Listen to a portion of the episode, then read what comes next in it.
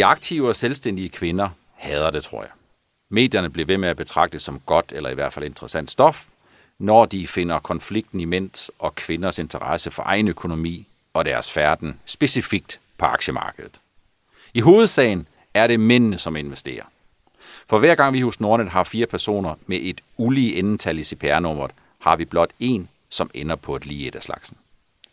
Dagens penge med Per handler netop om, om kvinder, om investering, og ikke mindst, hvorfor det fortsat forholder sig sådan. Hvordan kan vi bevæge den størrelse, hvis vi synes, det er relevant, og hvis kvinderne synes, det er relevant? Og det er et paradoks, som jeg synes, det er, når kvinder nu engang har ganske, ganske klare fordele på aktiemarkedet. Med til at gøre mig og lytterne klogere har jeg i dag inviteret Mette Valste Vestergaard, journalist, tidligere radiovært, selvstændig, en del af kvindeøkonomien, samt meget, meget andet. Velkommen til dig, Mette. Tak fordi du vil komme herind. Vil du ikke lige kort fortælle lidt om dig selv? Du har jo fortalt formaliteterne. Øh, jeg er journalist, det er rigtigt. Jeg er også kan kom. Øh, altså, jeg har en kandidatgrad i kommunikation med dansk sprog øh, og samfundsvidenskab.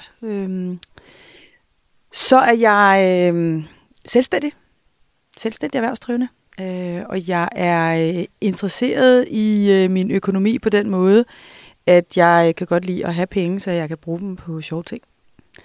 Øhm, jeg finder ikke nogen øh, specielt stor glæde i at sidde og tælle mine penge eller glo på min netbank. Og øh, det med at investere dem er måske i virkeligheden lige så meget, måske allermest en pligt, jeg synes, jeg skal gøre. Bare lige for at slå det fast, og det slår jeg fast, fordi jeg synes, det er vigtigt at sige, at man behøver ikke nødvendigvis synes, at det er det sjoveste i verden at, at sidde og kigge på penge. Men derfor kan man godt se det som en af de der ting, man skal gøre, ligesom man lige skal tjekke sin pension en gang imellem, og man også skal støvsuge gulvet derhjemme. Så, så hvis jeg skal ligesom op, hvis, hvis du vil tillade mig at opsummere lidt, så er du en økonomisk praktiker. Ja. Du øh, kan godt lide øh, det, som penge måske har en mulighed for at gøre, og du føler ikke nogen glæde ved at stable pengene oven på hinanden. Det gør jeg ikke, nej. Til gengæld vil jeg sige, at jeg, øh, jeg synes, øh, det er ikke fordi, jeg synes emnet, altså økonomi som sådan, som emne, som journalistisk emne for eksempel, ikke er interessant, for det synes jeg, det synes jeg er sjovt. Jeg synes, det er sjovt at, at skulle formidle, hvordan det står til med verdensøkonomien. Øh, hvad sker der ude i de der øh, øh upcoming eller emerging market, som vi har talt om så længe, og som alligevel ikke rigtig sker noget med. Og hvorfor, hvorfor kan den der rente ikke komme lidt op, hvis de bliver ved med at opkøbe? Altså de der store dilemmaer, synes jeg, det er ekstremt interessant at beskæftige mig med. Men det er en for mig faglig interesse, som består i, at jeg er en faglig formidler, så jeg synes, det er lidt svært stof, som jeg godt kan lide at folde ud.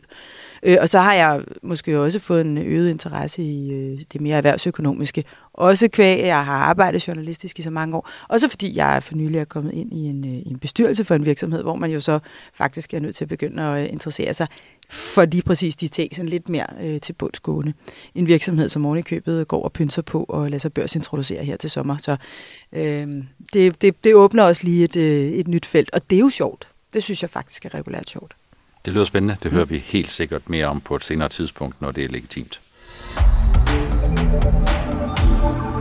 Er det en myte med det, at kvinder og investering eller kvinder og økonomi er to størrelser, som for mange kvinder ikke hænger sammen?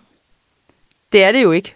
Som du siger, så øh, hver gang I har øh, fire mænd her øh, blandt jeres kunder, så er der en kvinde.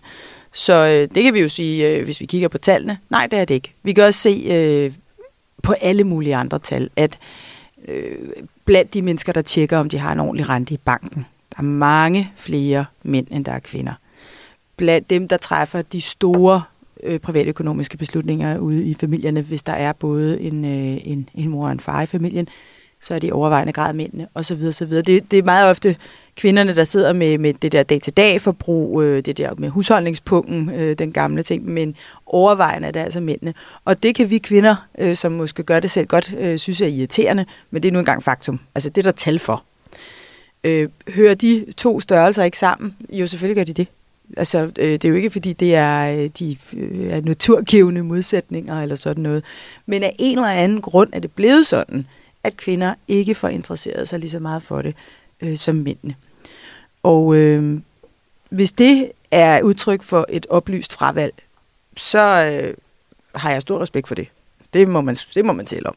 Men Hvis det er udtryk for, at man bare ikke lige fik det gjort, eller tror, man ikke kan finde ud af det, eller synes, det er lidt svært, eller synes, det er lidt kedeligt, eller det bare er en af de der, der ligger hen i skuffen, som man ikke lige får gjort noget ved, så vil jeg godt hjælpe med at gøre noget ved det, ved at give noget viden, give noget motivation, øh, og måske i et eller andet omfang også give lidt ansvarsfølelse for det. Og derfor er jeg med i kvindeøkonomien. Man kan sige, at set ud fra min synspunkt, så harmonerer det hverken særlig godt med ligestilling. Det harmonerer heller ikke særlig godt med, at kvinder faktisk har øh, nogle absolut gode forudsætninger for at være meget succesfulde, både i erhvervslivet og i økonomi, og som investorer. Det er ikke noget, jeg siger kun fordi du er her i dag. Det er sådan, at kvinder er faktisk gode til at investere. Tag det roligt. De er gode til at analysere. De er gode til overblikket, og så tænker de langsigtet. Så er det sådan et sted, hvor ligestillingen simpelthen bare mangler lidt at slå igennem? Igen vil jeg henholde mig til de tal, der er. Så der kan vi sige, ja, øh, det gør den jo, fordi når, der er, når, når radio hedder 1-4, så mangler der jo noget ligestilling. Jeg tror jo så til gengæld, at øh, den form for ligestilling, der ligger i det, altså at man har lige øh, bestemmelse over de midler, der nu er, er en meget, meget vigtig nøgle til ligestilling. Øh, jeg synes jo nogle gange, at ligestilling kommer øh, til at handle utrolig meget om, hvad for nogle ord vi bruger om hinanden og øh, øh nogen, der bliver vrede over, at nogen framer hinanden i en eller anden setting og sådan noget. Og det er garanteret også en vigtig kamp, men for mig er den her kamp så meget vigtigere. Øh, jeg ved, vi arbejder med mange forskellige typer kvinder i kvindeøkonomien. Vi arbejder både med kvinder, der har øh, Øh, en, en, en solid økonomi og kan gå ud og, og investere øh, deres penge, men vi arbejder faktisk også med, med kvinder i udsatte positioner, øh, som af forskellige årsager ikke har haft mulighed for at regulere deres egen økonomi, fordi de har været inde i psykisk, økonomisk voldelige forhold, eller fordi de kommer fra en kultur, hvor, man ikke, øh, hvor det kvinderne ikke har lov til at bestemme over den slags, osv. osv. Og det er min overbevisning, at de kvinder vil relativt få langt mere ligestilling, hvis de får styr på deres økonomi, hvis det er dem, der bare har lidt mere medbestemmelse over familiens økonomi. Så på den måde synes jeg, det er en ekstremt vigtig nøgle til ligestilling. Hvis jeg lige inden vi går til noget af det konkrete håndværk, må prøve at dreje øh, emnet en lille smule, så tænker jeg på, at det vi hører øh, i samfundet, det er, at det er kvinderne, som om ikke styrer alt, så er det kvinderne, der marcherer frem. Kigger vi på uddannelsesinstitutionerne, så kan vi se, at kvinderne de er meget flittigere til at komme ind. Vi ser, at kønsfordelingen den ændrer sig. Vi ser også, at kvinderne heldigvis får mere i løn. Vi ser, at den her ligestilling mellem kønnene, det vil sige samme løn for samme arbejde, går fremad, også selvom der er nogen, der synes, det går for langsomt. Så jeg tænker sådan lidt her, kunne man forestille sig, at interessen for økonomi, opsparing og investering kommer sådan lidt fra måske en upagtet kant i den forstand, at når man tjener noget mere, ja, så får man også nogle bedre pensionsordninger. Når man får nogle bedre pensionsordninger, så bliver man på den måde gjort opmærksom på det vigtige i, at man orienterer sig noget mere og sætter økonomien højere på skoleskemaet derhjemme, kan man sige. Måske. Øh, vi har jo ikke, altså, øh, vi har jo faktisk ikke nogen evidensbaseret viden om, hvorfor det er sådan, at øh, kvinder ikke øh, får interesseret sig lige så meget for de her ting, og, og handlede lige så meget på de her ting, som mænd gør. Og nu siger jeg interesseret sig, og når jeg siger interesseret sig, det ved jeg jo sådan set heller ikke. Måske interesserer de så død meget for det, men handler ikke på det. Hvem ved? Det eneste, vi ved, er, at det ikke er kvinderne, der handler øh, og, og det er ikke kvinderne, der tager øh, beslutningerne, for det kan vi jo se på tallene. Så, så jeg kan jo kun gisne om, hvorfor tingene er, som de er. Øhm, det jeg så til gengæld kan sige er, at når vi laver de her, øh, vi, vi laver det, vi kalder øh, finansielle homeparties, og det skal selvfølgelig ses med et glimt i øjet, fordi et homeparty er også lidt, lidt 50'er-agtigt. Det er nogle virkelig, virkelig populære og gode arrangementer, hvor øh, vi sætter en masse kvinder sammen, og så er der nogle oplægsholdere, der har forstand på en eller anden egen af økonomien, hvad enten det er pensionsordning eller øh, at købe aktier, eller hvad det kunne være. Øh, de er ekstremt populære. Kvinderne strømmer til, og de vil vildt gerne spørge. Men der kan jeg da se, at det er jo ikke kvinder, som lige er kommet til penge nødvendigvis. Det er måske kvinder, der har haft et virkelig, virkelig godt job og er super seje ledere. Altså øh, ledere, der har øh, styr på alt muligt. Sågar ledere i øh, den finansielle branche som bare ikke lige får taget sig af privatøkonomien af en eller anden årsag. Som ikke lige, altså, så har de måske faktisk ret mange penge stående på en bankkonto. Det er jo fint nok. Så står de der og rødner op. Ikke? Og, det, og det skal selvfølgelig være deres øh, ret, og hvis de har lyst til at syge ind i madrassen, for guds skyld, så gør det. Men vid lige, hvad du gør. Vid lige om lidt, at de ikke noget værd.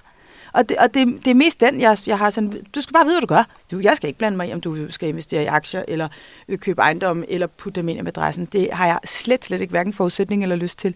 Men vid lige, hvad du gør. Og hvis jeg kan hjælpe de kvinder med at træffe et oplyst valg om det, så er jeg glad. Det er mit succeskriterium.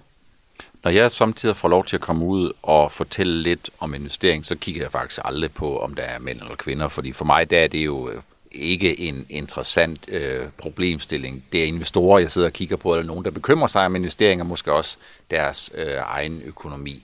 Når jeg så hører øh, og ser, at der er kvinder til stede, og jeg ser, at der er mange kvinder til stede, jamen så kan man ligesom sige, at øh, øh kvinderne synes, det er interessant på aftenen. De snakker måske også øh, om sammen med nogen om det de kommende dage, men det er sådan lidt som om, at efter nyhedens interesse, så fisler det sådan lidt ud. Er det også, hvad skal man sige, noget af det, som du støder på, at man hører om det, det er interessant, det er spændende, det skal vi have gjort noget ved, men interessen, den er ikke vagt på et niveau, der gør, at den sådan langsigtet viser sig i gennemsnit at være holdbar.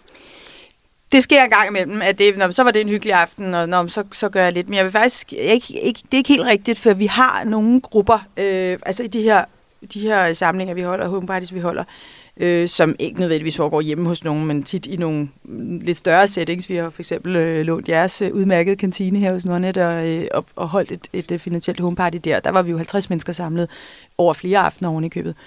Øhm, og der er nogen, der fortsætter med at mødes. Og der er nogen, der fortsætter med at tale om det. Øh, jeg har mødt en kvinde i kvindeøkonomi, Louise Fredbo, som er fremtidsforsker. Øh, og, og det var hende, der satte sig ned og lærte mig, hvordan man købte en aktie. For jeg havde heller ikke købt en aktie før. Øh, og vi, taler, vi taler sådan set om vores aktier, og det har, det har jeg ikke gjort før. Altså, vi, vi kan godt mødes og tale om, men hvordan gik det med den der?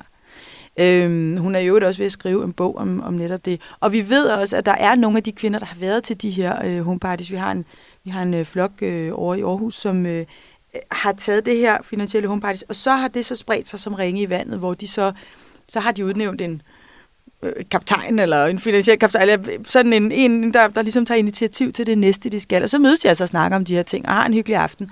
Så det er ikke alle, for hvem det fiser ud. Men selvfølgelig fiser det ud for nogen. Og det skal, det skal de også have lov til. Igen vil jeg sige, jeg, det vil jeg ikke ærge mig over, fordi jeg ved jo ikke, om de siger, nej, det var meget spændende, nu ved jeg noget om det, men jeg har det nogle gange bedst med, at mine penge står på min bankkonto. Og ved du hvad, det er helt i orden. Det er deres valg, det er, de er frie mennesker, det er deres penge, de skal gøre med hvad de har lyst til. Så formålet her er at give dem lysten, svare på deres spørgsmål, give dem motivationen til at sætte sig ind i det, så kan de træffe valget derefter. Og jeg vil sige, øh, den der lyst til at stille spørgsmål, og de spørgsmål, der bliver stillet, det er sjovt, fordi de er simpelthen anderledes end de der aftener, du taler om, hvor der er både mænd og kvinder til stede. Og jeg ved ikke hvorfor, men det er de. Der bliver stillet nogle helt andre spørgsmål, og der er en helt anden, føler jeg, virkelyst, når folk går ud af rummet. Udover at du snakker om finansielle homeparties, eller hvad det nu måtte hedde øh, på, Jamen, det hedder det. Øh, på nydansk, så kan man sige, at du snakker om de her ringe i vandet, hvor der er nogen, der interesserer sig sammen med nogen, der taler med det med nogen, og så får man det der til at køre hvilke andre konkrete ting gøres der, eller har du kendskab til, eller er der i støbeskeen for, at vi på en eller anden måde skal få de her ringe til at nå så bredt ud, som kvinderne nu måske eventuelt synes er interessant og relevant? Det, de finansielle homeparties, jeg taler om, det er jo, øh, der kan man sige, der er vi formidler af nogle kvinder, der er interesseret i at få noget viden, og nogle mennesker, der har noget viden. Det, det er sådan set vores rolle som kvindeøkonomien, at, at, at connecte de to. Og det, har vi, det, er sådan set vores, øh, det, det er sådan set vores kerneydelse, og det har vi, sådan, det har vi udbredt til forskellige øh, steder. Dels, vi har, vi har et pensionsspor i kvindeøkonomien, så nogen øh, holder sådan nogle aftener, hvor øh, det handler om, øh, om, hvad man skal passe på med sin pensionsopsparing. Der er faktisk en del. Øh, der er nogle uhensigtsmæssige eller i hvert fald nogle, nogle lovgivningsmæssige ting i Danmark, som man skal være meget opmærksom på, specielt som kvinde, fordi man som kvinde er den, der har barsel, fordi man som kvinde er den, der øh, statistisk set tjener mindst. Øh, og det vil sige, hvis man står i en skilsmisse eller i et dødsfald, så er der, nogle, der er simpelthen nogle ting, man skal være opmærksom på. For eksempel kan det være, at ens mand har sat sin pensionsopsparing i en livrente, og øh, så kan det godt være, at man havde alle gode intentioner om, at man skulle dele ligeligt. Øh, det skal man jo selv tage stilling til i dag, fordi øh, pensioner har født til eje.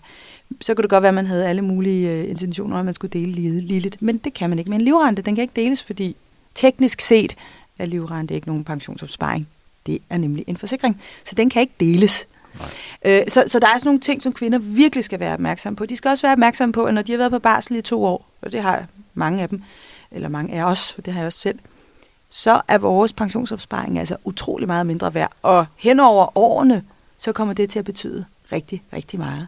Så hvis man som familie betragtet gerne vil træffe nogle fornuftige valg og synes, at, at man skal dele de ting, man nu gør, de valg, man nu træffer som familie, at få børn, at arbejde så og så meget, at købe det her hus osv.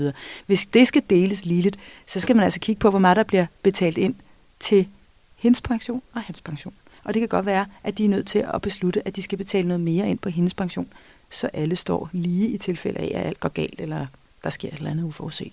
Så det, det er også et spor. Et vigtigt spor, det, det lyder lidt kedeligt det her, men pension er jo for mange af os den største formue, vi nogensinde kommer i nærheden af, så den er vigtig. Der er øh, den her med investeringerne, vi prøver at motivere kvinderne til at øh, interessere sig for, hvad det vil sige at købe aktie. Altså, man kunne godt kalde, at det at købe aktier er verdens ældste crowdfunding.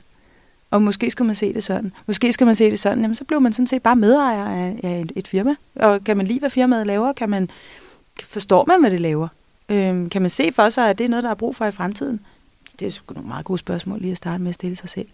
Så det er også et spor. Så har vi, øh, så har vi det her spor med, de, øh, med kvinder i udsatte positioner, jeg har lige talt om. Og der handler det måske ikke så meget om, måske lidt om pension, men det handler nok ikke helt så meget om at investere i aktier, men måske mere om øh, at få styr på grundøkonomien. Øh, Øh, har man gæld? Det kan man godt have, hvis man har været i et voldeligt eller psykisk forhold.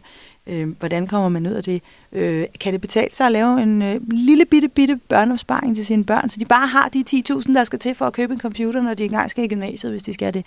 Altså alle de der spørgsmål, som man kunne have, når man måske ikke har så meget styr på grundøkonomien, og ikke har så meget at gøre med. Så det er også et spor. Så har vi det, der hedder uddannelse, fordi vi synes jo faktisk, at der skulle, der skulle nok lidt mere budgetlægning og, og, og privatøkonomi på skoleskemaet. Og der arbejder vi sammen med Finans Danmark, som jo har øh, den store pengeuge i, øh, i 8. klasserne. Og, og det synes vi øh, skulle udbredes til, til flere klassetrin.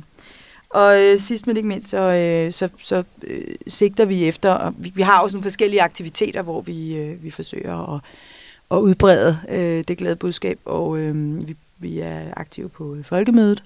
Øh, var det sidste år, er det i endnu højere grad i år, og holder hvert år et, øh, et årsmøde, hvor vi fortæller, hvor vi er og hvad der sker.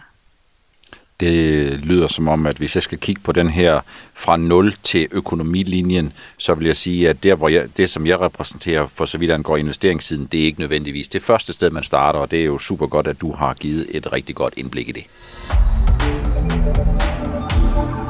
Hvis jeg må prøve at drille lidt, hvis jeg må prøve at udfordre lidt, og det handler sådan set ikke om dig som kvinde, eller investorer som mænd, eller i det generelle tilfælde, så er det jo sådan, at du nævner selv, at hvis det er sådan, man ønsker at have den fuldstændig finansielle frihed og have sine opsparede midler stående på en konto til 0,00 øh, procent i rente, så ved man egentlig købekraftsmæssigt, så bliver man øh, fattigere i morgen, end man var i dag, under forudsætning af, at priserne stiger med en halv til en hel procent. Det er småtingsafdelingen, men det er der. Det er et faktum. Det er ikke bare noget, jeg finder på. Hvis jeg så siger til dig, at de regler, man skal følge på aktiemarkedet for at blive en succesfuld investor, er rigtig få og rigtig små. Og i virkeligheden så drejer det sig faktisk om, at man skal tage et grundkursus i finansielle discipliner og i at kende sig selv. At man langsigtet får et mere afkast i aktiemarkedet korrigeret for prisudvikling på 4-5%, og at det egentlig kræver meget, meget lidt at investere. Er det så det billede, du også har af det at investere i aktier? Det det var en øjenåbner for mig, da jeg så en øh, linje over, hvordan markedet har udviklet sig øh, over meget, meget lang tid, altså over 50-100 år, og kunne se, at øh, i virkeligheden det eneste tidspunkt, det, det sådan rigtig havde smidt penge af sig, det var under finanskrisen i princippet. Det vil sige, hvis man placerer sine penge rimelig konservativt, fordeler dem rimelig fornuftigt, så, så får man faktisk ikke færre penge ud af det egentlig. Nej, jeg, jeg vil jo våge det på os. Det modsatte, jeg ja. at man får rigtig mange flere ja. penge ud af det. Og jeg tror, jeg har, inden jeg gik ind i det her, der tror jeg, jeg har set det som noget meget mere risikobetonet. Altså som meget mere lotteri. Og det kan du sige, det er det selvfølgelig også, hvis man står i den situation, at man gerne vil, vil altså man ved, åh, jeg skal lige kunne bruge, jeg skal lige kunne trække pengene ud og bruge dem øh, om øh, halvanden måned så er det klart, så er det en anden situation. Men hvis det er penge, der bare står på kontoen, som du siger, og egentlig er der til magre tider, øh, og, og man godt kan man godt kan se, når man dem, dem kan jeg trække ud med, med altså, jeg ved godt et par år før, at jeg skal bruge dem, eller måske et år, eller sådan noget. Så retter, hvad der nu måtte skulle rette sig som mænd nok. Mm. Øhm, så det, det, der gik der en pros op for mig. Det gik også op for mig, da vi begyndte at arbejde med, hvad det, hvad det egentlig er for et, hvad skal jeg sige, image aktier egentlig har. Øh, måske hos mange kvinder. At øh, der var sgu sådan lidt... Øh, der var, der, var, der var nok gået lidt Gordon Gekko i den. Ikke? Altså, det var altså noget meget risikobetonet, øh, og dermed måske også noget, der har nogle klassisk maskuline værdier. Nu siger jeg med vilje maskulin, fordi maskuline værdier er ikke nødvendigvis noget, der hører mænd til. Det hører også kvinder til. Ja. Men jeg tror, at, at det der meget risikobetonede, som jeg selv har oplevet, det har haft, måske har er knyttet mere op på nogle maskuline værdier. Så gik det også op for mig, at og det, der er jo også noget risiko. Det er der bare også ved ikke at gøre noget, skal man huske på vi, har, vi har i vi har kvindeøkonomi talt om, at nogle gange skulle vi måske lige prøve at få et andet billede, et, et andet ansigt på at investere i aktier end Gordon Gekos eller øh, nogle af de der. Måske skulle man prøve, nu er det jo meget aktuelt, øh, lørdag aften øh, på DR i øjeblikket, der ser man jo øh, grisehandler Larsens kone Katrine, og øh, hun er sådan set et meget, meget bedre ansigt på at øh, købe aktier og andet, investere sine penge, end, øh, end alle de andre, man kan forestille sig. Fordi hun investerer sgu ikke i aktier, fordi hun skal have dyre pelse, eller fordi hun har brug for et eller andet adrenalin-rush. Hun investerer sine penge, sådan så der er til magre tider. Hun køber noget jord, fordi det ved man er. Det skete faktisk i, tror jeg, forrige afsnit. Øhm, I hvert fald, som jeg så.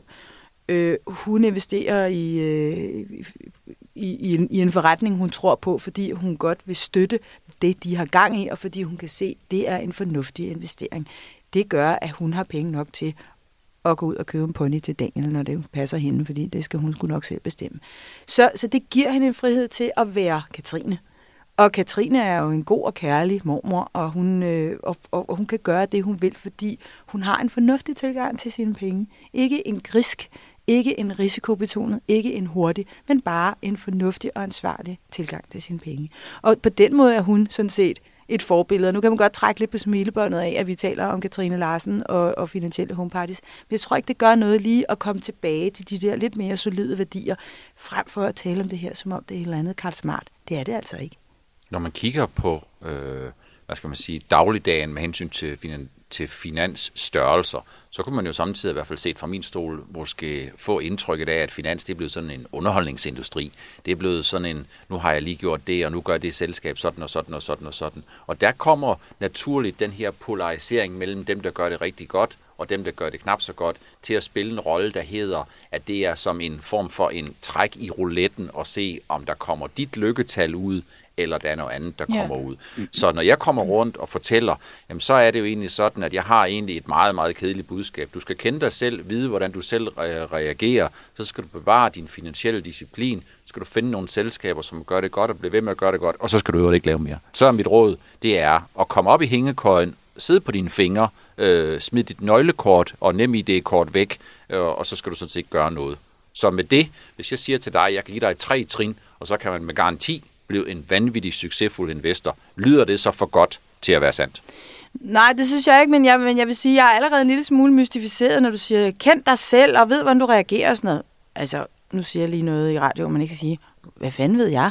Jeg ved, kend mig selv. Jeg ved, det, det ved jeg da ikke, om jeg gør. Jeg ved da ikke, hvordan jeg reagerer. Altså for mig, det, det er nødt til at blive endnu mindre mystisk og fystisk for mig. Det er nødt til at komme helt ned i en...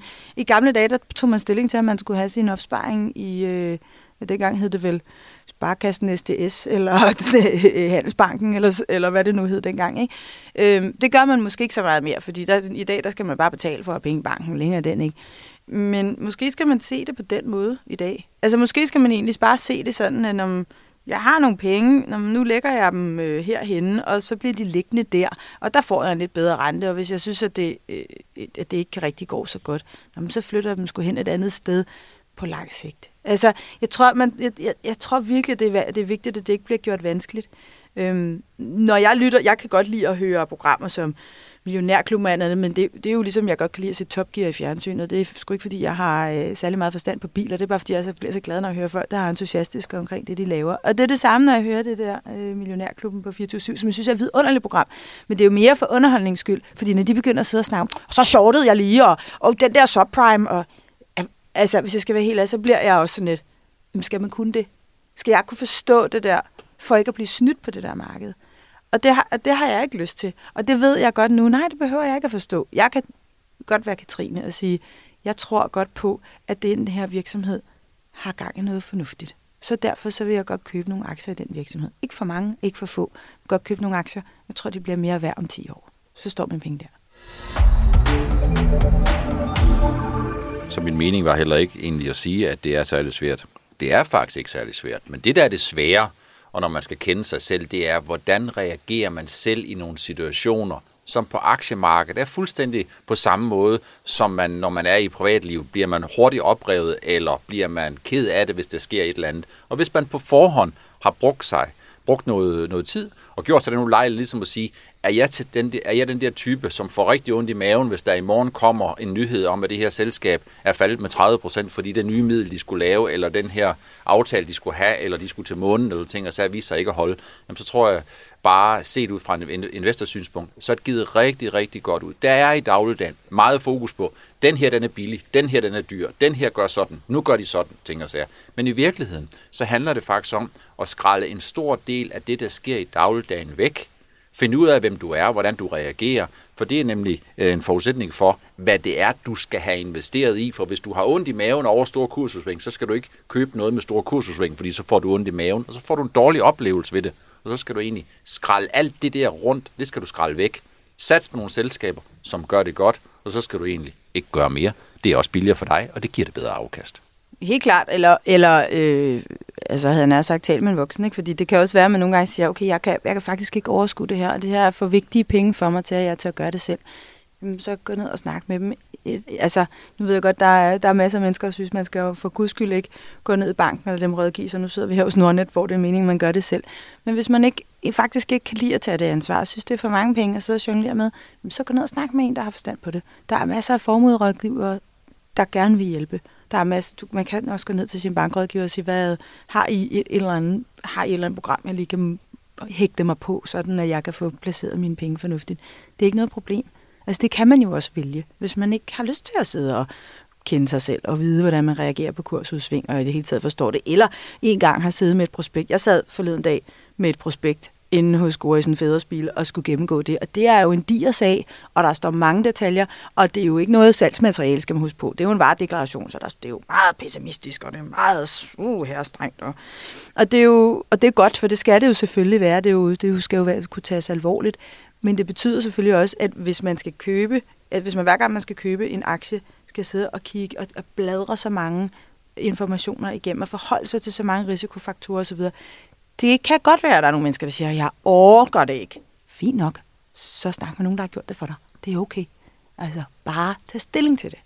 Men langt de fleste, de kan med fordel også lade være med at åbne sådan et prospekt, fordi det er sandsynligvis slet ikke noget, det der rammer ind i 80% af dem, som langsigtet skal spare deres penge op, skal egentlig gøre det mindre komplekst, mindre kompliceret, og så skal de sørge for hele tiden egentlig det, som jeg også hørte dig sige, øh, og som verdens mest succesfulde investor, Warren Buffett, jo siger, han køber ikke aktier. Han køber ejerandele i selskaber. Og forskellen mellem at købe aktier og købe ejerandele, det er, når han køber en ejerandel, så køber han egentlig med en ejertid, som han ikke har taget stilling til, om den nogensinde skal stoppe, fordi han ligesom tror på, at det er en virksomhed, som vil udvikle sig meget, meget positivt. Han fokuserer ikke så meget på prisen. Han fokuserer på, om det er en virksomhed, som vil være i stand til at have et produkt, som kan vokse 5, 10 eller 15 procent de næste 5, 10 eller 15 år. Og så længe de kan det, jamen så er læren på aktiemarkedet. Man skal fokusere mindre på risikopræmie og kortsigtet vækst og udsvingsfaktorer og politisk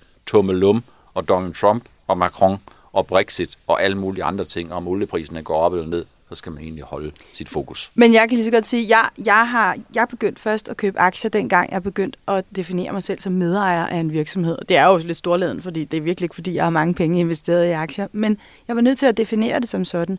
Ja, det der, altså for mig føltes det at købe en aktie så lidt ligesom at købe en lotto-billet, og det gør jeg altså ikke. Det gider jeg ikke. Øh, det, det er for random. Men jeg gad godt at være medejer af en virksomhed, som jeg tror på er en god virksomhed. Og, og sådan opfatter jeg det. Og hvor, hvor, hvor lille mikroskopisk en del af øh, koloplast, jeg end måtte eje, så er jeg medejer af den virksomhed. Sådan definerer jeg det for mig selv. Fordi det er sådan, jeg kan arbejde med det. Det, altså, det, det, det skader hverken min investering eller, eller nogen andre, jeg ser sådan på det. Men for mig er det en forståelsesramme, som er enormt vigtig for at kunne forholde mig til det. Vi har været inde på finansielle home parties. Vi har også været inde på det med ringene i vandet, og der er flere, der skal gøre noget, sådan, så mange forskellige kan lade sig inspirere af de her ting. Hvis du skulle pege på en enkelt ting, hvis du skulle give et bud på, at øh, en ting, der ville gøre, man kunne gøre i dag, eller i morgen, eller i overmorgen, hvor vi ligesom kan sige, om fem eller ti år, så har vi faktisk en meget fornuftig ligestilling. Hvis det er det, kvinderne ønsker øh, på det at investere og interessere sig for deres private økonomi, deres pensionsøkonomi, deres fællesskabsøkonomi, er der så en enkelt ting, er der sådan en, en hvad skal man sige, en katalysator, som du øh, kan se, kunne det være noget med en kvindernes Michael Laudrup, hvis man må sige det på den måde, som ligesom siger, hey, hallo, det her det er noget for os? Jeg tror ikke på, at der er én ting, der kan ændre på det, for jeg tror, det, jeg tror, det er en vane, det er en kultur, vi har. Øh, jeg tror i det hele taget, at danskerne, og det er altså kvinder og mænd, måske skal begynde at interessere sig mere for det her. Vi skal altså ikke længere væk ind til Sverige, før en 80 øh, procent af befolkningen ejer aktier. Der er det helt naturligt, at man ejer aktier. Og masser af små virksomheder lader sig børsnotere for at samle kapital ind til at, øh, at kunne komme videre med den idé, de har. Tænk, tænk engang, man sidder med en skide god idé, og man har en rigtig god virksomhed, der virkelig øh, har masser af muligheder, og den rammer plet ind i markedet, men man er nødt til at lige at investere i den der seneste øh, robot, der kan få, som, som kan den avancerede form for beskæring på kort tid, som man har behov for.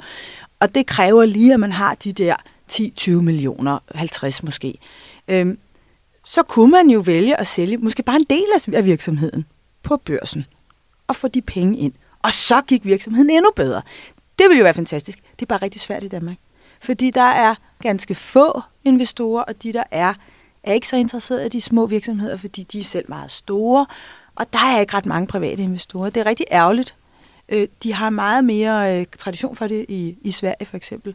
Og det tror jeg kunne være sundt for os at have, både for os selv privatøkonomisk, men også for hele virksomhedsmiljøet i Danmark. Jeg tror, det kunne være sundt for de mindre virksomheder, som altså vel og mærke beskæftiger sindssygt mange af os. Altså rigtig mange danskere er beskæftiget i de små og mellemstore virksomheder i Danmark. Og hvis de havde lettere adgang til kapital den vej, så behøvede de heller ikke at sidde og være kede af, at de ikke kunne få lov at låne penge nede i banken. Så jeg tror, at det at få udbredt en aktiekultur i Danmark er sindssygt vigtigt, og det gælder både mænd og kvinder. Fordi selvom der er mange flere mænd end kvinder, så er der stadigvæk ikke særlig mange mænd, der ejer aktier. Og vi burde alle sammen interessere os meget mere for det. Hvad skal der til? Jeg ved det ikke. Lige nu er der, er der og det har der været længe, et øh, forslag om at lave den her øh, aktiesparekonto, som faktisk også er efter svensk forbillede, som jeg bedst kan oversætte som, det er sådan noget med, hvordan man afregner sin skat, når man får udbytte. Og jeg kan nok bedst oversætte det med, det er en slags, en slags kildeskat for aktier, kan man sige. Ikke? Så den bliver afregnet lidt automatisk, og det gør det hele meget nemmere øh, så man ikke skal sidde og rive sig i håret ved årets udgang og ikke vide, hvad man skal betale for hvad, fordi det, det kører ligesom mere af sig selv. Øh, og den bekvemmelighed, eller convenience, som man så må sige på, på, på nydansk, øh, tror jeg, der kan være øh, behjælpelig. Men selvfølgelig er der også et stort informationsarbejde, og jeg tror, det er vigtigt, at vi begynder at tale om aktier og om virksomheder og om investeringer i et sprog, som ikke er så hurtigt, og som ikke er så smart og fuld af udtryk, man ikke forstår, men som er meget mere basalt, og som handler om, at her kan man være med til at eje en virksomhed, som har den her idé, og som går, har de her drømme, og som har de her muligheder, hvis vi ser på det marked, det er i. Stille og roligt, helt ned på jorden. Jeg tror, den form for formidling, og den framing af det, og den terminologi er, er en, en vigtig vej. Og det, vi, det må vi hjælpe hinanden med. Og det gælder altså både, når det gælder om at få mænd og kvinder til at interessere sig mere for aktiemarkedet. Det er spændende, det du siger. Jeg tænker jo tit på, at alle begyndelser, det starter som regel ved begyndelsen. Og jeg tænker jo, at øh, jeg spørger samtidig øh, nogle mennesker, som er dygtige, og noget af det, som de peger på, det her rammebetingelser skal være anderledes. Risikovilligheden, den er absolut til stede i Danmark, det er jeg slet ikke i tvivl om, men rammebetingelserne for at investere i nogle små og mellemstore virksomheder, som skal have den risikovillige kapital tilført, sådan så de kan skabe vækst og omsætning og indtjening til gavn og glæde for skattegrundlaget og arbejdspladser og alle de der ting, som vi alle sammen skal leve godt af og godt med der er der jo en ting, jeg hele tiden kommer til at tænke på, og det er jo politikerne. Politikerne, de vil gerne have skatteindtægterne, og de vil gerne have arbejdspladserne, men de er ikke så vilde med at få den danske aktiebeskatning og alle mulige andre ting øh, ned på internationalt sammenligneligt niveau. Og så tror jeg også, du peger på en ting, som er meget relevant, nemlig at når det er sådan, vi skal ikke have to eller tre forskellige skatteregimer, der gør, at man faktisk skal have taget mere end et aftenskolekursus i og regne de forskellige skattesatser ud. Det må være sådan, at de penge, man tjener, de bliver beskattet. De penge, man taber, jamen dem kan man trække fra, uanset om det er aktier eller obligationer eller finansielle kontrakter og hvad det nu end måtte være. Så lavere beskatning og en regelforenkling, det tror jeg, det kunne være en vupti for så vidt angår tilførelsen, en risikovillig kapital, der gør det mindre realistisk, at danske virksomheder, som mangler kapitalen, skal gå over Øresund efter børsnoteringsvand. Det er ikke fordi, jeg ikke under svenskerne, det er jo super, super godt, men det er en forlit erklæring. Ja, man kan jo godt ærge sig over, at Boost for eksempel nu øh, tager til, øh, til Sverige i stedet for at blive noteret her. Jeg har ikke nogen mening om, hvor, hvor nogen form for beskatning skal ligge. Øh, fordi hvis man skal have meninger om det, så skal man også have meninger om, øh, hvordan alt, alt andet skal finansieres. Øh, og det har jeg ikke. Øh, det ønsker jeg ikke at have. Men, men den, øh, i hvert fald ikke i offentlighed. Jeg kan selvfølgelig have det øh, privat, men det, det, det synes jeg ikke, jeg vil belemre andre mennesker med. Så det, det, det, det vil jeg ikke udtale mig om. Men, men jeg tror, at den, den del, der hedder at gøre øh, øh, beskatningen mere øh, enkel og gennemskuelig for helt almindelige mennesker.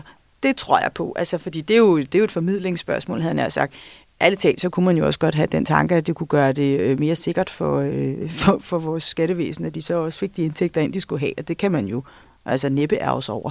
Så, så på den måde, så tror jeg, at den der, øh, den der aktiesparekonto øh, løsning, den vil jeg da håbe, at vi får øh, gennemarbejdet og endevendt og se på, om ikke det godt kunne være en god idé. Og at hvis den øh, skal forkastes, er der nogle ordentligt gode grunde til det, fordi jeg synes faktisk umiddelbart, det lyder som en god idé. Tiden går hurtigt i godt selskab, og det har jeg i hvert fald været i i dag. Øh, vi er nået ved, majs, ved vejs ende. det tak fordi du kom og gjorde mig en hel del klogere, og jeg er sikker på, at du gjorde det også med lytterne på, at øh, kvinder har øh, et stykke hen ad vejen for at nå til den ligestilling inden for økonomien, som de har nået heldigvis på mange andre punkter. Øh, investering er måske ikke der, hvor kvinde økonomien nødvendigvis starter, for I har så mange andre ting, som I også har sat i søen. Du har selv øh, snakket varmt for nogle finansielle homeparties som en af de ting, der kan men være Men det handler jo også om investering. Det handler også om investering, men ikke nødvendigvis kun om investering. Nej, det handler om mange ting, men investering er en af dem. Ja, så Tak fordi du gjorde øh, mig en lille smule klogere, og så håber jeg simpelthen bare på, at vi får nogle flere kvinder ind på investeringsmarkedet. Og når jeg håber på det, så er det fordi kvinderne de har de helt rigtige forudsætninger for langsigtet at få del i den velstandsstigning, der ligger i at investere i ejerandele i virksomhederne.